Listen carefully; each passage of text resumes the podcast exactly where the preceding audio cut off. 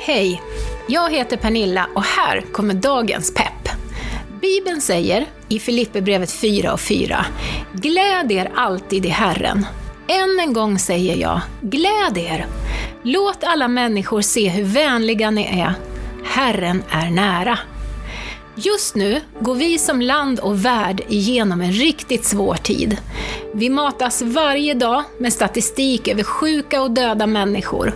Mycket av det vi har tagit för självklart ska nu undvikas och vi saknar våra äldre släktingar och vänner. Sjukvården går upp i krigsberedskap och personal får slita oerhört hårt. Det är klart att vi påverkas och kan känna oro, sorg och uppgivenhet.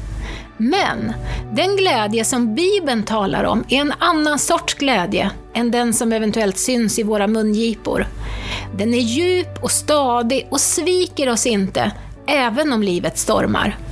När jag som tonåring kom i kontakt med kyrkan var det det som gjorde störst intryck på mig, att människorna där var så glada, när jag några månader senare bestämde mig för att bjuda in Jesus i mitt liv och i min vardag, så var det som om Jesus själv böjde sig ner och tog mig i sina armar och berättade hur högt han älskar mig, hur dyrbar jag är för honom.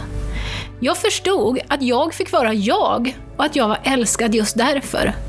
Inga alternativa vägar, inga roller att spela för att duga och passa in. Jag fick i mitt Jesusmöte del av det eviga livet. Visst får jag, och visst ska jag, leva fullt ut här på jorden. Men det finns också en evighet tillsammans med Jesus och hela stora änglakören.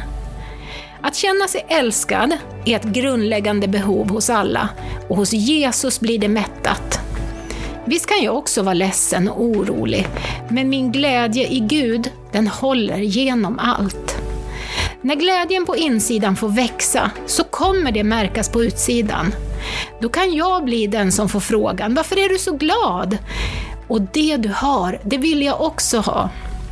Tänk att få peka någon i riktning mot Jesus och få berätta om det eviga och berätta det fantastiska att hans kärlek, den räcker till dig också. Hans glädje är din glädje också.